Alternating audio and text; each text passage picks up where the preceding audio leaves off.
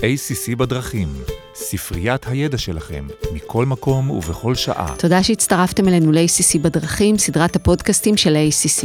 ACC הוא ארגון היועצים המשפטיים הפנימיים בישראל. אני עורכת דין מירב לשם, והיום אני מארחת את עורך דין אייל שגיא, שותף מייסד וראש מחלקת משפט וטכנולוגיה במשרד AYR, אמר רייטר ז'אן שוחטוביץ'. אייל הוא מאסטר פרטיות, הוא כבר התארח אצלנו במיני סדרה על פרטיות בפרקים 5, 6 ו-7. ובחודשים האחרונים הוא דחף יום ולילה את אישור התקנות בעניין העברת מידע לישראל מאירופה. היום אנחנו איתו במיני סדרה, כדי שיסביר לנו למה, מה, כמה זה אומר. בפרק הראשון אנחנו נדבר על המסגרת הכללית, מה התקנות נועדו להשיג, ובפרק השני אנחנו נדבר על המהות של התקנות. אז אה, שלום אייל, אני מסמנת לך כוכב יפה, כוכב זהב שהבטחת להגיע שוב וקיימת. תמיד שמח לחזור. לפני שנתחיל, disclaimer קצר, הפודקאסט מיועד להעשיר את הידע הכללי שלכם, כל מה שנאמר בפודקאסט הוא בוודאי לא ייעוץ משפטי ולא מחליף כזה. ועכשיו תתחיל להסביר מה הדחיפות להחיל בארץ עוד רגולציה, כאילו אין לנו מספיק. אז קודם כל צריך להתחיל ב- בכל הנושא של ייצוא מידע, העברות מידע ממדינה למדינה, זה לא משהו חדש, זה משהו שמטריד את האירופאים כבר מ-1995 מהדירקטיבה הקודמת. אה, הם דאגו אה, לגבי המידע שלהם שיוצא לישראל, ובשנת 2001, מי שמכיר, אה, משרד המשפטים, שר המשפטים התקין תקנות על העברת מידע ממאגרי מידע בישראל לחו"ל. למה היה צריך את זה? כי האירופאים דאגו שמידע שמגיע מאירופה יגיע לישראל ומפה יברח. אה, אז כדי שהוא לא יברח, אה, יש הגבלות על ייצוא מידע אה, מישראל, הן חלות גם על מידע ישראלי וגם על מידע אירופאי. עשר שנים אחרי זה, ב-2011, האירופאים גמלו לנו על, ה, על התקנות והכניסו אותנו לרשימת המדינות המוכרות עם הגנת פרטיות טובה למידע.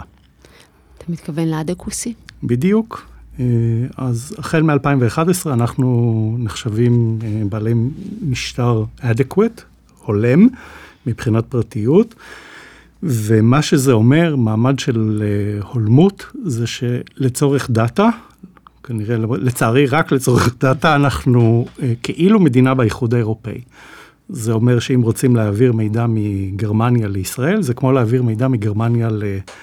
לאוסטריה זה אה, הרבה יותר פשוט, אה, בניגוד להעברות למדינות אה, שלישיות כמו ארה"ב.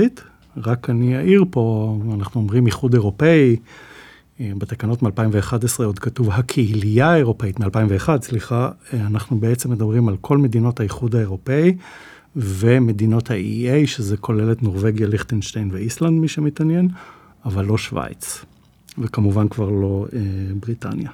אבל לבריטניה יש מלך, אז היא לוקחת. אז היא לוקחת. אמ, מה יהיו ההשלכות לגבי התקנות החדשות שעליהן אנחנו נדבר היום, לגבי זה ששוויץ ובריטניה בחוץ, מבחינת התקנות, אני לא יודע. אמ, יכול להיות ששוויץ ובריטניה שמקבלות החלטות adequacy בעצמן, באופן עצמאי לחלוטין, אבל תמיד זהה למה שהאירופאים אה, אה, מחליטים, יקבלו הפעם החלטות שאי אפשר להעביר מהן מידע לארץ, לא יודע. נראה.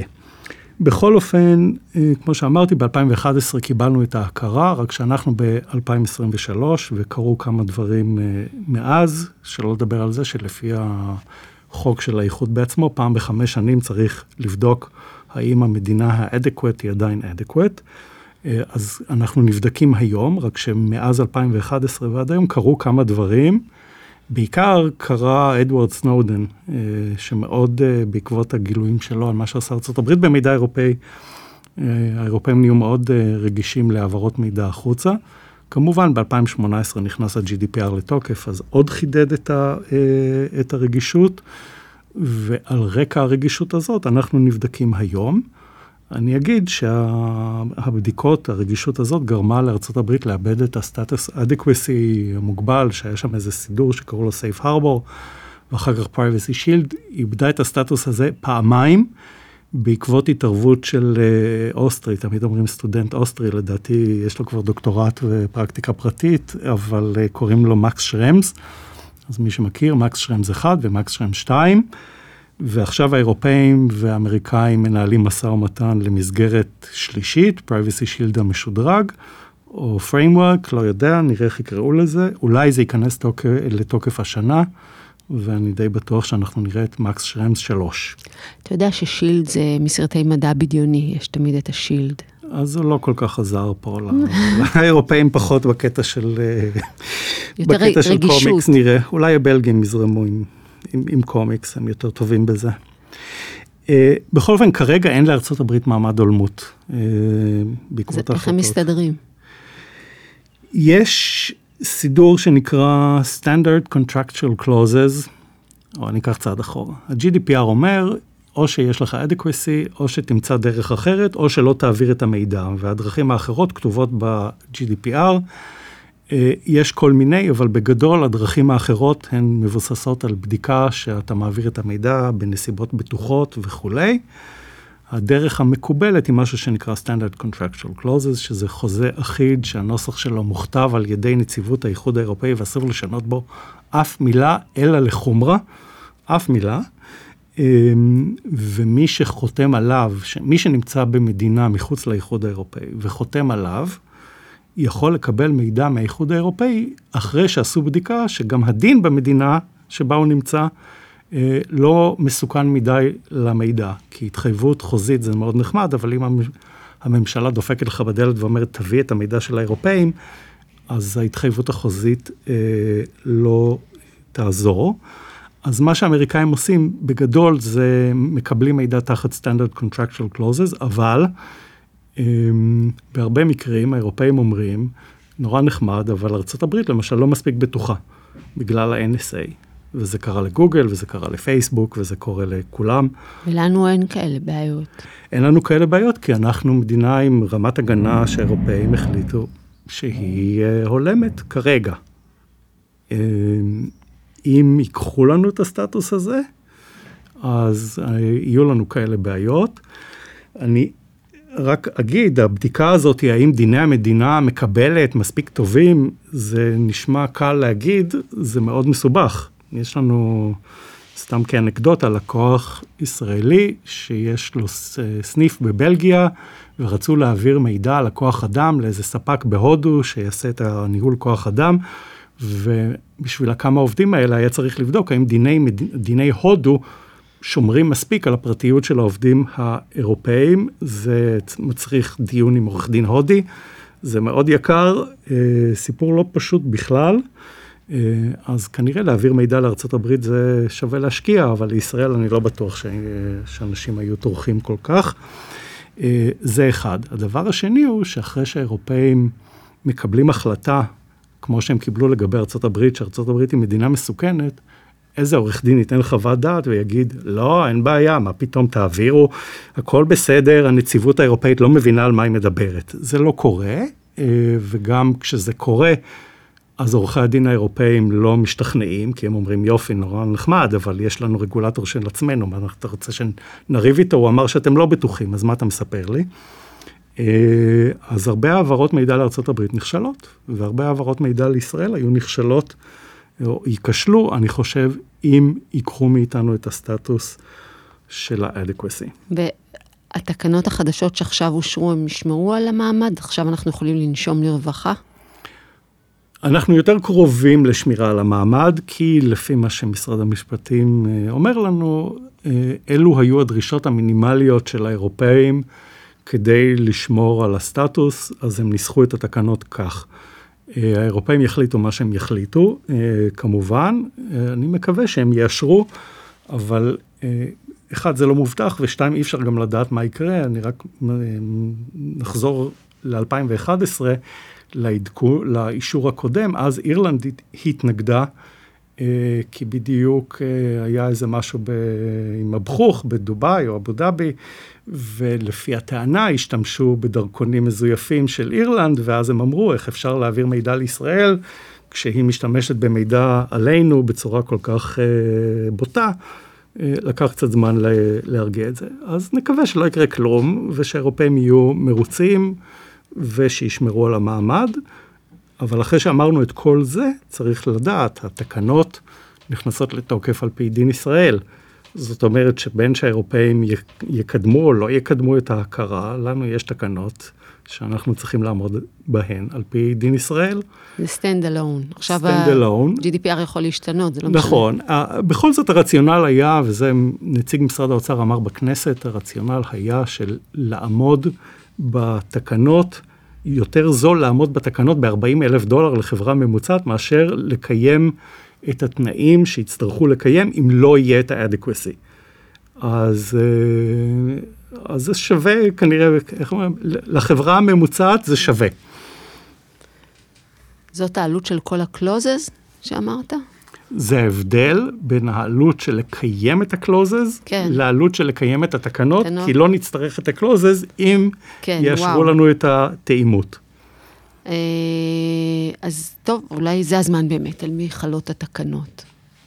אז לתקנות יש uh, טריגר, והטריגר הזה הוא העברת מידע אישי מהאזור הכלכלי האירופי, מה שאמרנו קודם, עם ליכטנשטיין וכל האיחוד, לישראל. זה הטריגר, uh, אין טריגר של uh, האם המידע הוא על אירופאים או תושבים, או על ישראלים, זה לא חל, וכל הדיבורים האלה על התקנות מפלות ישראלים שהיו, אה, נתנו את הרושם שמידע ישראלי על ישראלים שמגיע מאירופה לא מוגן בתקנות, זה לא נכון, זה הובהר היטב בתקנות אה, ובדיון. זאת אומרת שלצורך העניין, ישראלי, מידע על ישראלי שנמצא באירופה ומועבר לישראל, מוגן תחת התקנות, בדיוק באותה צורה כמו מידע על גרמני. שמועבר אה, לארץ. אז הטריגר הוא העברה של מידע אישי מהאיחוד למאגר מידע בארץ, עם חריג אחד של העברת מידע באופן ישיר על ידי נושא המידע, האדם עצמו. זאת אומרת שלקוח, אה, לצורך העניין של אה, ישראלי שמטייל באירופה ורוצה לתכנן את החופשה הבאה בארץ, ובעצמו מזמין באתר של המלון בארץ את החופשה, אז למרות שהמידע מגיע מאירופה, כי אותו ישראלי כרגע באירופה, זה נמסר ישירות למלון. אה, אותו, אותו הדבר, אם גרמני יזמין באתר של המלון את הנופש, התקנות לא יחולו. אם לעומת זאת המידע, ההזמנה מגיעה דרך אה, משרד אה, נסיעות נגיד, אירופאי, גם אם הנוסע הוא ישראלי, אז המידע עובר לא באופן ישיר מנושא המידע אל המלון בארץ והתקנות יחולו. אז זה, זה טריגר, ה, טריגר הפעולה. עכשיו,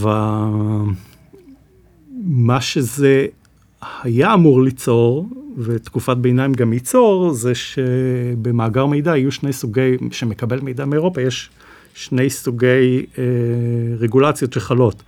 מה שמגיע מאירופה, כולל על ישראלים חלות התקנות, ומה שמגיע מישראל או ישירות מנושא המידע, לא חלות התקנות. אה, בעקבות אה, דרישה חד משמעית אה, בוועדת, בוועדת חוקה, התקנות הורחבו, ומי, ובסופו של דבר, אחרי תקופת ביניים, כל מאגר שנגוע, מתלכלך במידע שמגיע מאירופה, יהיה צריך להיות מוגן כולו, כולל המידע שהגיע מישראל. והוא ישראלי ולא היה אמור, אה, לא היה אמור אה, להידבק. אבל זה הגיוני, כי זה גם יותר קל לתפעול, אני חושבת. אתה מפשט את המאגר. אני מניח שברוב המקרים, ברגע שמאגר נדבק בתקנות, אמור, אתה אמור אה, להתייחס לכל המידע בצורה אחודה, לא תמיד קל להפריד, אבל יש מקרים שהבעיה היא לא, או הזכות, אנחנו נדבר על הזכויות תכף, או מה הדרישות של התקנות, לא כל הדרישות הן טכניות, לפעמים הדרישות הן משפטיות. ואז, לצורך העניין, אדם פונה ומבקש מידע אודותיו, אז תאורטית יכולתי להגיד, סליחה, המידע הזה נמסר בישראל, לכן התקנות לא חלות, לך מפה, אין, אין בחוק שלנו מ-81 שום דבר כזה, לך. אם המידע הגיע מאירופה, היה מקבל תשובה אחרת, ועכשיו הוא יצטרך לקבל את אותה תשובה. אה, בסדר, זה... ברור, ברור שיש לזה מחיר. אני יכולה לעשות, להקים שני מאגרים? אה, אם את יודעת להפריד, יופי. אה, זה לא כל כך פשוט, כי נחזור למלון, מה, יהיה לו מאגר אחד של הזמנות שהגיעו מאירופה, זה לא הזמנות של ישראלים, כן? זה הזמנות שהגיעו מאירופה, נכון. ומערכת אחרת, לא קשורה, של הזמנות שהגיעו מהארץ, ואיכשהו צריך לנהל את הזמינות של החדרים משתי רלוונטי. מערכות שונות, לא, כנראה שלא יפרידו כל כך בקלות. התקנות האלה חלות גם על העברות מישראל לעיבוד באירופה? זו, זו שאלה מאוד אה, אה, מעניינת ו, וגם קריטית, כי חברות ישראליות רבות מס, אה, משתמשות בספקי ענן, למשל, שנמצאים באירופה, אמנם פותחים יותר ויותר דאטה סנטרים בארץ, אבל עדיין משתמשים בהרבה אה, שירותי ענן ושירותים אחרים של ספקים אירופאיים. ופה, אה, כמו הרבה, הרבה דברים, תלוי. כי אם מסתכלים על התקנות כפשוטן, המידע יצא אומנם לאירופה, אבל הוא חזר לארץ, אז הוא הגיע מהאזור הכלכלי האירופאי. לכאורה התקנות חלות. אה, זה קצת מזכיר, אבל מישהו שעוצר לטיסת אה, עצירת ביניים באירופה בדרך לניו יורק, אז הוא עצר בפרנקפורט והחליף טיסה. הוא בא מפרנקפורט או הוא בא מהארץ? אה, אפשר להגיד ככה ואפשר להגיד אחרת.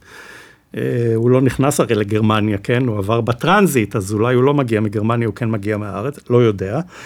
אה, אבל יש היגיון רב וסיבות טובות להגיד שהתקנות לא יחולו בנסיבות האלה. אה, הרי התקנות בסופו של דבר נועדו להרגיע את האירופאים שמידע שמגיע מאירופה יטופל בארץ ברמה שמקובלת עליהם.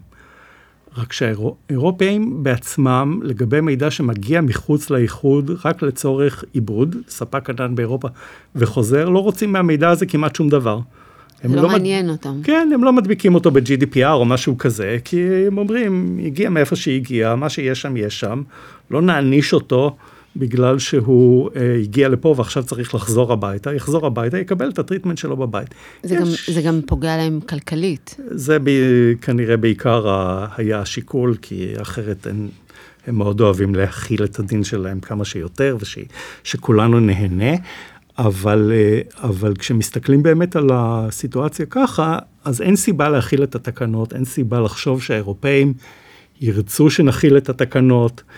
אה, תיאורטית, אם לא אותן תקנות מ-2001 שדיברתי עליהן, יכולתי להגיד, אוקיי, אם ככה, אז אני אעביר את המידע ל data center בשוויץ, או משהו כזה, או בבריטניה, ואז התקנות לא חלות, אה, אז זה הכל נורא נורא מקרי.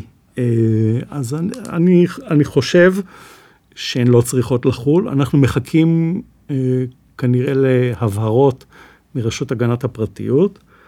אני יכול לראות שהם ירצו להגיד שכן, כי הם ישמחו שתהיה רמת הגנה יותר טובה בכל נסיבה אפשרית, אבל אני חושב שזאת תהיה טעות. זה לא אה, נכון אה, להחליט ככה. ומה יקרה אם האירופאים ישנו את הכללים? אז טוב, איזה, אה, קודם כל איזה כללים, כן? ה-GDPR ייקח שנים לשנות, לא ישתנה. מה שיכול אולי להשתנות זה ה-Standard Contractual Clauses, גם זה שנים מניח שלא ישתנה, הם עובדים על סט אחר של Standard Contractual Clauses להעברות מידע אפילו בתוך אירופה, אז נראה, אולי זה ישתנה קצת. אמ, אבל אני לא חושב שזה כל כך משמעותי לדיון שלנו, והסיבה היא, כמו שאמרתי קודם, התקנות חלות כשהתקנות חלות לפי דין ישראל, וה-GDPR חל כשה-GDPR חל לפי דין אירופה. אם במקרה אה, ה-GDPR פתאום יחול, הוא היה חל בכל מקרה, בלי קשר לזה שנכנסנו לתקנות או לא נכנסנו לתקנות, אז, אה, אז אני לא, השאלה המרכזית בישנו, זה האם הם ייתנו לנו את ה-adequacy או לא ייתנו לנו את ה-adequacy. ואם הם לא ייתנו? אם הם לא ייתנו, אנחנו משונמכים לדרגת, אה, ארה"ב אולי כבר יהיה לה משהו, לדרגת אה, הודו, ואז אנחנו נצטרך, חברות ישראליות יצטרכו לחתום על אותו Standard Contractual Clauses, וכל מעביר אה, יצואן מידע אירופאי יצטרך לבחון את דין ישראל, האם הוא מגן מספיק על הפרטיות של המידע של הלקוחות שלו, למשל, או עובדים. זה הולך להיות מאוד לא פשוט, כי מן הסתם, אם לא נקבל את ה-adequacy, תהיה החלטה של הנציבות שאומרת, בדקנו את דין ישראל, בדקנו את התקנות החדשות שהותקנו לבקשתנו, לא מספיק טוב, המצב בארץ לא טוב, אז מי יבוא ויגיד, אנחנו בדקנו אחריכם, ואנחנו חושבים הפוך מהנציבות סבבה. האירופאית, ובואו נריב עם הרגולטור שלנו בשביל להעביר מידע לישראל. מילא לריב עם הרגולטור שלך כדי להעביר מידע לגוגל בארצות הברית, אני מבין, עושים את זה פה ושם. בשביל להעביר לארץ, אני נכון. לא, לא, זה, זה לא יהיה נעים. אז הבנו מה התקנות אה, מנסות להשיג, ופחות או יותר את המסגרת, ובפרק הבא אנחנו נדבר, אה, ניכנס לעומק של התחנות, לתקנות ונחפור בהן. נכון? מקווה, כן. אז תודה רבה ונתראה בפרק הבא. תודה, להתראות.